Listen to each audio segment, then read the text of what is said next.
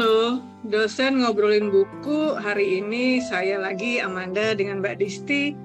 Kita mau ngomongin buku yang sangat mencerahkan. Judulnya The Double X Economy ditulis oleh Linda Scott. Hai Mbak Disti. Hai Amanda. Kita lagi ya? Ada laginya Kita ya? lagi. Nggak ada orang lain nih kayaknya ya. Aduh. Nanti Iya. bosen lah foto kita nih, me- mejeng terus. Hmm? Mbak Dis, ini bukunya kayaknya kok ini ya, eh, serem ini. Bener nggak tuh? Tentang apa ini bukunya Mbak? Di depannya ada cross gede banget. Ada tanda Itu- apa? Itu X loh. Oh, X ya. Nah, itu tanda silang tuh X maksudnya. Double X. Hmm. Kalau Mbak Wanda denger atau lihat double X, X-nya dua tuh Mbak Wanda ingat apa Mbak? Itu genetika kan? Iya. Betul. Yes. Kira-kira double X ekonomi tentang apa berarti kalau gitu? Ekonomi yang di eh, di apa ya? Yang diarahkan, yang di-lead oleh perempuan. Asik. Bener nggak tuh? Oke oke. Ini ada eh, jadi memang buku ini Double X Economy ini sebenarnya kalau dari judulnya aja kalau eh, aku pas beli tuh pertama-tama agak eh, kok double X ya? Sama kayak Mbak Amanda pertanyaannya kok double X ekonomi? Tapi begitu eh, di di di mana? Di dalam di cover depannya cover depannya itu ada tulisan dari eh, dikutip dari tulisannya si Melinda Gates ya. Jadi kutipannya si Melinda Gates itu tulisannya adalah a compelling and actionable case for unleashing unleashing women's economic power. Unleash. Nah, berarti kan aku pas baca oh ini tentang uh, the power of woman nih. Seperti itu. Jadi aku pikir eh, memang di sini eh, the epic potential of women's empowerment. Ya, Jadi si Pemberdayaan perempuan. Iya, Linda Scott ini dia membahas memang tentang eh, sebenarnya double X ekonomi ini hampir sama seperti eh, bukan hampir sama sih, tapi jarang terdengar, tetapi itu ham- sejenis dengan yang namanya kita sering dengar eh, seperti gig ekonomi seperti itu. Nah, kalau double X ekonomi ini memang yang eh, economy composed of women. Jadi memang yang digerakkan oleh Jadi eh, kalau menurutku sih di sini menarik karena banyak data dan based on penelitian dan penelitian real yang memang dilakukan sama penulisnya gitu. Baru Jadi mau ditanya, baru mau tanya itu, apakah itu berdasarkan penelitian? Eh ternyata sudah dijawab. berdasarkan penelitian dan ternyata belakangnya itu tuh banyak referensi yang memang untuk menulis buku ini. Jadi tidak hanya sekedar apa sih penulisan yang yang apa ya eh, menurut menurut kita menurut apa tapi memang secara ilmiah secara ilmiah memang dibuktikan eh, dia cerita gitu. Cerita memang penelitiannya ini dilakukan di eh, di Ghana gitu. Di Ghana yang tentang eh, jadi lucunya memang ini awal mulanya karena eh, si penulis ini dia melakukan penelitian dengan eh, bekerja sama dengan NGO yang ada di sana itu tentang ini ya eh, apa namanya kalau wanita itu kan dia selalu mengalami satu ini ya mbak apa namanya siklus siklus menstruasi Hmm. kan. Jadi ini tentang genital pads. Jadi dia kenapa sih uh, kok uh, uh, backgroundnya itu adalah kenapa uh, si perempuan-perempuan ini kok banyak yang tidak menyelesaikan sekolah sampai habis gitu. Ternyata begitu mereka teliti teliti teliti teliti, oh ternyata banyak juga tuh yang malu. Jadi sebagian besar tuh malu. Jadi begitu dia mengalami siklus menstruasi, terus kemudian eh, mereka tidak memiliki satu alat tertentu yang bisa membantu mereka untuk mencegah itu uh, terlihat gitu karena kalau di sana tuh uh, apa namanya dianggapnya kalau memang wanita sudah mengalami siklus itu berarti dia siap untuk menikah gitu jadi hmm. uh, ada ada terkadang ada juga karena di negara uh, di dunia ketiga ya. Jadi uh, terkadang anak perempuan itu dianggap sebagai uh, based on this research jadi anak perempuan itu hmm. memang dianggap uh, bahwa ini merupakan sesuatu yang bisa is is a business gitu loh. Kalau misalkan kita kita besarkan gitu ya uh, dan dan uh, jika sudah pada waktunya dia bisa uh, dia secara seksual dia bisa untuk uh, uh, dinikahkan. dinikahkan. Uh, jadi itu kan udah bukan tanggungan orang tua lagi, itu bisa diberikan kepada uh, tanggung jawabnya diberikan kepada lelaki, kepada suaminya gitu. Jadi it's not like a good investment gitu. Uh, Jadi berdasarkan itulah adanya uh, kenapa ada penelitian ini gitu dan dilakukan di sana real. Ternyata setelah apa namanya uh, ternyata penelitiannya itu juga uh, memang ya it's very significant ternyata hasilnya gitu. Memang karena itu. Itu sih mbak. Kurang lebih ya gitu. jadi itu lebih karena kondisi perempuan di Ghana yang uh, apa ya kondisi yang sulit gitu ya di sana kayaknya ya. Ya karena itu adalah uh, studi kasusnya ya. Tetapi ternyata uh, di dalam penelitian-penelitian lain itu juga. Jadi uh, banyak institut yang uh, banyak institut seperti contohnya kayak UN ya. UN itu program-programnya itu sama uh, World Economic Forum. Nah itu memang tuh sekarang udah mulai banyak yang apa namanya yang mengukur tentang ini gitu. Yang memang memperhatikan tentang woman empowerment ini gitu. Bahkan ada satu penelitian yang menyebutkan bahwa uh, ketika uh, gender equality itu dia tinggi gitu ya, uh, where gender equality was high katanya, national incomes and living standards also high gitu. Jadi memang karena ada uh, penelitian makin banyak adanya penelitian tentang woman empowerment itu itu mendukung seperti itu. Adanya ini dan di dunia tuh udah banyak yang melihat. Nah di sini makanya muncullah uh, it's a double X economy seperti itu.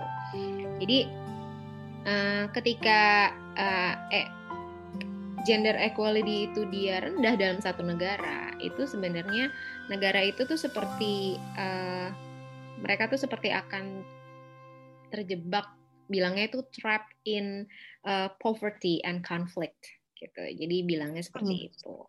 Dan ternyata itu ya apa namanya? bukan cuman isapan jempol, ternyata memang di, uh, di diteliti gitu seperti itu. Jadi mereka uh, kebanyakan hasil penelitian itu menyebutkan bahwa terkadang kenapa seperti itu? Uh, karena biasanya kalau perempuan diberikan sesuatu uh, kesempatan untuk berkembang dan dia mendapatkan penghasilan dari sana, nah itu biasanya dia mengutamakan untuk kebutuhan keluarga, mengutamakan hmm. untuk kebutuhan lain dan itu bukan untuk uh, ada juga uh, ada juga yang menyebabkan dibilang perempuan itu terlalu materialistis ya karena terkadang dia suka expensive things dan segala macam gitu. Tapi ternyata uh, apa namanya tidak sebanyak yang uh, yang menjelaskan bahwa uh, kebebasan untuk perempuan memilih, memilih untuk menentukan nasibnya sendiri, untuk uh, apa namanya, untuk berbuat lebih bagi negara itu ternyata itu bisa meningkatkan GDP satu negara loh. Seperti itu, Mbak.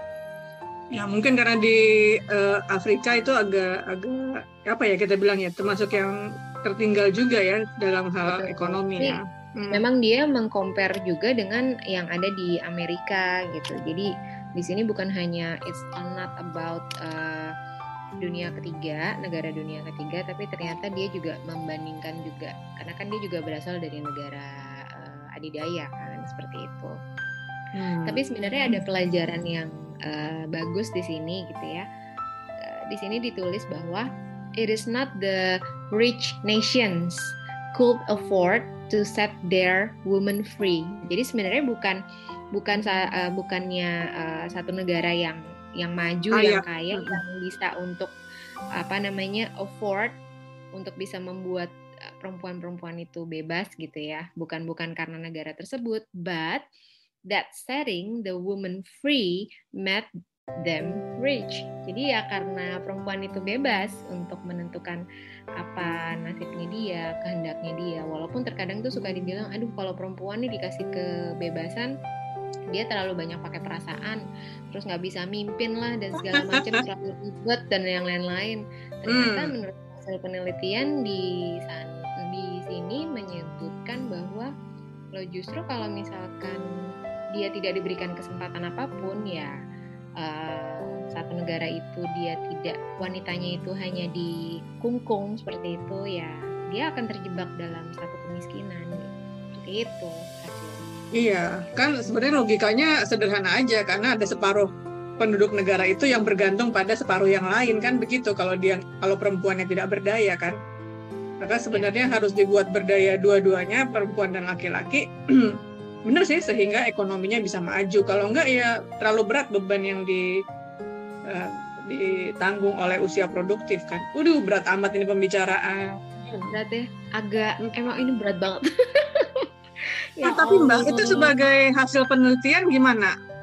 ininya bahasanya sulit atau enggak atau berat atau enggak gimana? Sih, sebenarnya cuman kebetulan karena bukunya ini dalam literatur bahasa Inggris mbak gitu. Aku sih belum nemu yang bahasa Indonesia-nya, tetapi uh, apa namanya memang hasilnya itu menyebutkan bahwa setelah terjadi penelitian ini dan uh, wanita-wanita itu menggunakan sanitary pads yang di uh, diinikan sama si peneliti dan timnya ini, memang setelah itu para wanita-wanita ini mereka lebih pede untuk mereka lebih senang untuk masuk uh, lebih rutin untuk masuk sekolah gitu. Karena ternyata di sekolahnya pun uh, itu mereka tidak didukung dengan fasilitas uh, kebersihan seperti WC dan segala macam itu juga nggak ada akhirnya mereka si uh, timnya ini Nah, dia membuat satu tempat yang memang bisa digunakan untuk membuang itu dan langsung dibakar gitu seperti itu. Jadi memang uh, zero waste rencananya dan hmm. ternyata it works gitu memang ya karena mereka malu gitu kalau misalkan mereka juga nggak punya baju baju yang lebih kan jadi kalau misalkan mereka uh, terkadang sorry ya uh, menembus gitu ya atau gimana gitu ya itu mereka kadang-kadang suka ngumpetin uh, cuci cuman karena di sana nggak ada air bersih gitu ya mereka suka taruh di bawah tempat tidur kadang-kadang yang di tempat tidur itu juga uh, lembab dan segala macam gitu. Karena kalau mereka jemur di luar itu dilihat sama laki-laki itu dibilang wah ini udah siap nih buat ini kayak gitu jadi sebenarnya mereka juga pengen gitu dari di, di negara tersebut mereka juga pengen untuk untuk uh, berkembang lebih gitu cuma mereka memang gak dapat kesempatan makanya itu salah satu penelitiannya yang mendukung bahwa memang perlu adanya women empowerment ini seperti itu Nah, di sini hmm. tuh memang sampai dijelaskan berkali-kali bahwa research has demonstrate repeatedly. Jadi memang udah banyak penelitian yang menyebutkan bahwa even in the poorest communities, jadi bahkan di uh, satu komunitas yang benar-benar uh, sangat miskin sekali, economic e economically empower empowering women increase spending on education, nutrition, and healthcare, and strengthening countries in the process. Jadi memang kita tuh kadang-kadang kalau dikasih kesempatan untuk berkembang kita terkadang tuh suka fokus uh, ke dalam education pasti anak education keluarga terus kemudian nutrisinya sama healthcare-nya untuk anak-anak sehingga dalam prosesnya itu memang bisa memperkuat tanpa sadar tuh memperkuat uh, ekonomik satu negara itu gitu. Iya. Ini kita kita colek yang belum S3 S3 juga ini supaya dia pendidikannya diteruskan. Iya, Jadi iya supaya tetap bersemangat membuat proposal nih timer kita jadi satu ini. Jadi sebenarnya kalau S3 kuliah S1, S2, S3 itu sebenarnya apa ya, Mbak? Bukan karena gelar ya. Sebenarnya bukan jadinya bukan karena kalau telah menjalani sebenarnya bukan karena gelar, tapi sebenarnya buat ngebentuk pola berpikir aja sih ya. Betul. Berpikir yang tadinya agak uh, ribet bisa dibikin lebih simple. Sebenarnya itu aja sih. Hmm Ya, ya, ya, ya. Nah, uh, itu penelitian tahun berapa sih Mbak ngomong-ngomong? Aduh, itu dia ya. Aku tuh Maksudnya dari bukan, bukan yang lama-lama banget kan? Ini kan memang memang kondisi terkininya apa kondisi baru-baru ini aja di, di apa di Ghana gitu ya? Iya iya, ini juga copyrightnya copyright uh, 2020 sih. First edition Hmm, juga dia 2020 gitu. berarti masih ya dulu di negara ya, at least negara-negara masih Afrika itu. banget gitu dengan yang kondisi sekarang kan. Jadi, nah terus ini juga dia bilang bahwa ya itu tadi hasilnya we found that girls did indeed miss school because they had only improvised sanitary materials gitu. Jadi hal dasar, hal yang sangat dasar tapi prinsipal banget itu ternyata bisa merubah pola pola berpikir dan mental, mental health dan ternyata bisa impact ke satu negara gitu. Itu buat mungkin Mbak Mana mau jadi uh, presiden. Coba dipikirkan yang gitu, Mbak. Iya iya ya hal dasar dan mungkin buat negara-negara lain atau ya katakanlah buat kita itu hal kecil banget yang eh ternyata masih Iya, begitu ya di sana ya. simple things, uh, simple things karena dipikir aduh perempuan nih ngapain sih mikirin kayak gitu-gitu kan ya? Jadi uh, udah lo di rumah aja atau uh, mungkin lo bisa mengerjakan sesuatu yang nggak terlalu complicated gitu ya. Ya, complicated is belong to a, to a male gitu. Tapi ternyata uh, begitu si perempuan ini tidak diberikan kesempatan apa-apa ya ternyata itu berimpact kepada GDP satu negara gitu dan ternyata memang kalau kita lihat ya Mbak, kalau pelaku UMKM gitu juga kalau kita kasih eh, UMKM rumahan gitu ya kan banyak tuh Hmm. ibu-ibu yang memang memiliki ide-ide gitu ya, tetapi eh, mereka bisa bekerja dari rumah gitu. Dan itu sangat menggerakkan Indonesia banget loh. Ini contohnya misalkan di Indonesia ya, UMKM kita kan eh, di saat negara kita lagi bener-bener down gitu ya, terus kemudian inflasi tinggi dan segala macam di saat bisnis cannot be as usual gitu ya berjalan ternyata bisa survive dari UMKM UMKM itu seperti itu dan Masuk mostly waktu, is waktu kena krismon juga ya Mbak ya. Itu kan yang akhirnya bisa bergerak itu UMKM itu. mostly is woman ya Uang, iya. Jadi aduh jangan salah ya. Ini ternyata sebuah kajian yang berat nih kalau perempuan nggak dikasih apa namanya nggak dikasih kesempatan untuk kesempatan Jadi yang, yang apa namanya? eh tapi di di buku itu mungkin ada cerita tentang negara-negara lain di Afrika nggak mbak? Apakah ada yang seperti itu juga selain Ghana itu kondisinya? Enggak, Hmm. enggak. Dia tidak membahas negara lain, tetapi memang eh, karena dia melakukannya di sana dan itu memang waktu itu juga awal-awalnya juga sulit juga karena satu negara itu ya. Jadi waktu itu kalau dia datang ke ke negara tersebut terus kemudian dia ngomong sama salah satu NGO di sana gitu, terus tolong dibantu dan ini ada satu nih yang tertarik nih begitu tahu, oh pengen ini ya gitu ya, yuk kita kita ajak ke satu desanya gitu ya. Nah begitu sampai ke desa tersebut si siapa namanya? Si orang-orang di kayak kayak kepala desanya dan kepala sukunya itu pada kumpul semua. Tapi mostly yang bikin si peneliti dan timnya ini bingung loh, kok eh, perempuannya nggak ada ya? Gitu. Jadi yang datang tuh semua cowok. Yang datang semua cowok udah gitu.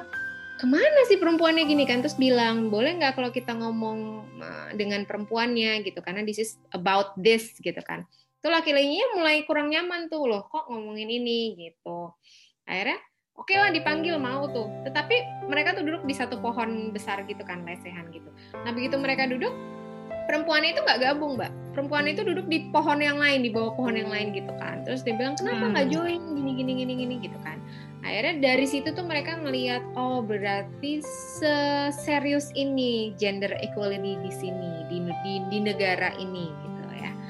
Nah dari situlah oke this is simple things gitu ternyata di negara uh, maju pun udah banyak penelitian yang menyatakan bahwa woman empowerment ini penting banget gitu untuk perekonomian satu negara memperkuat perekonomian satu negara gitu sih mbak Tapi mungkin juga ya di negara lain sebenarnya ada cuman belum ketahuan aja nih masalah ini ada di negara Ada. Afrika lain maksudnya. ada tapi terkadang kan memang itu uh, basically it's because um,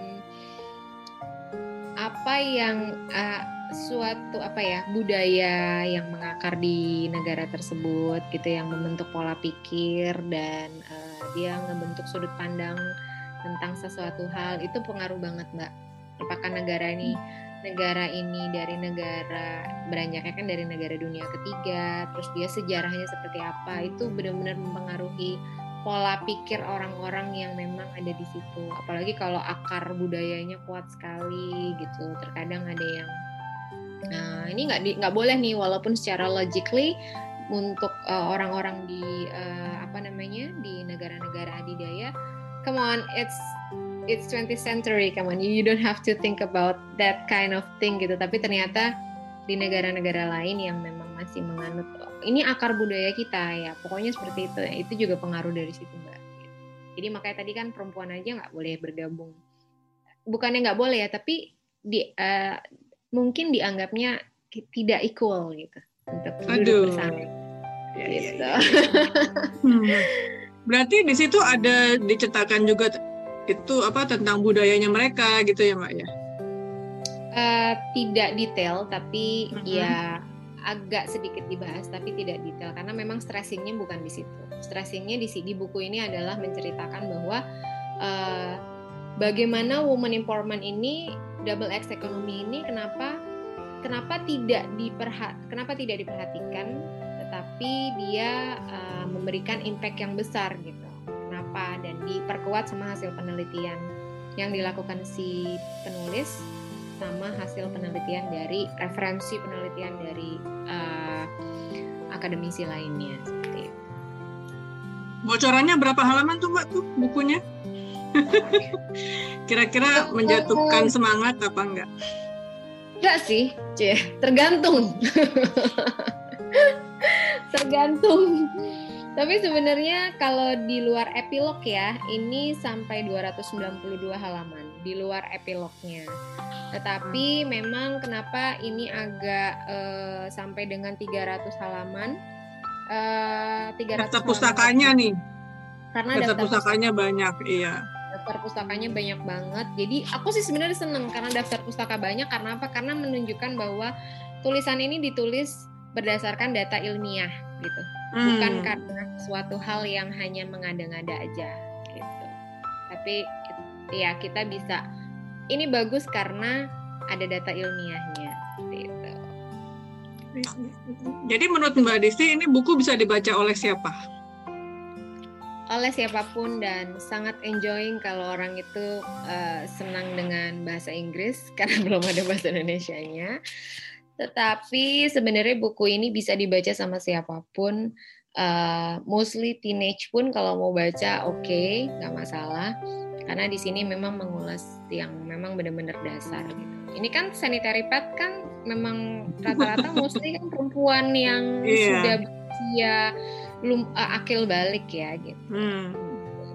Sampai mereka belajar tentang ekonomi nggak apa-apa it's fun cuman mungkin nggak bisa langsung baca broad sekaligus gitu tapi kalau kalau memang senang dengan dengan woman empowerment ini bisa baca sekaligus dalam satu hari gitu Wih deh satu hari nih mbak nih serius kalau aku berhari-hari tapi bahasa Inggrisnya anu nggak apa namanya sulit dimengerti atau kosa katanya eh, nggak biasa atau gimana gitu mbak Enggak sih, bahasa Inggrisnya uh, friendly banget. Hmm. Walaupun bukan bahasa slang word ya, bukan bahasa bukan bahasa itu, tapi maksudnya uh, easy easily for easily for understand to understand. Sangat mudah untuk dipahami bahasa Inggris. Yes. Dan uh, dan pemilihan kata pemilihan kalimatnya juga dia nggak yang berat. Nih lo pelajaran ekonomi ini gitu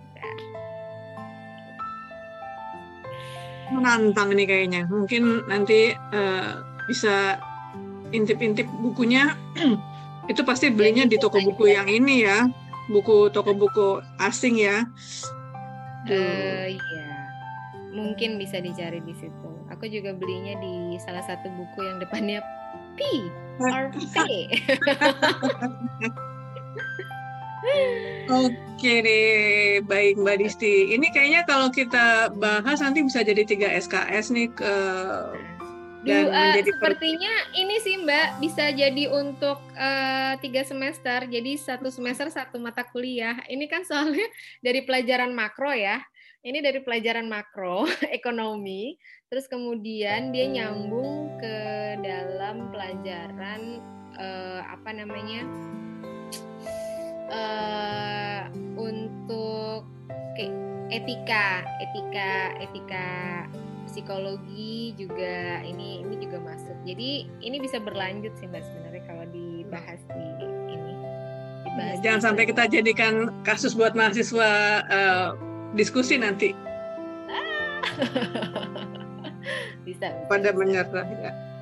Oke Mbak Disti, kayaknya uh, udah lama nih kita ngobrol sejak tadi setengah jam kali ada ya dan se sempat kepotong lama nih DNB nggak muncul-muncul lagi. Mungkin habis ini kita tunggu uh, Ibu Devi atau Ibu Wiwi dan Ibu Devi ya loh, nanti. mereka nggak sabar hmm. gitu loh Mbak. Pengen ikut pengen Aduh. pengen udah ada yang udah ada buku yang selesai gitu. Nggak sabar gitu pengen cerita aku juga nunggu antrian panjang nih semoga besok besok segera bisa kita aku rekaman aja lagi menang, aku aja untuk menang kocokan nih jadi aku pertama kan tadinya kan mereka pengennya yang aku ah, duluan duluan gitu pertama gitu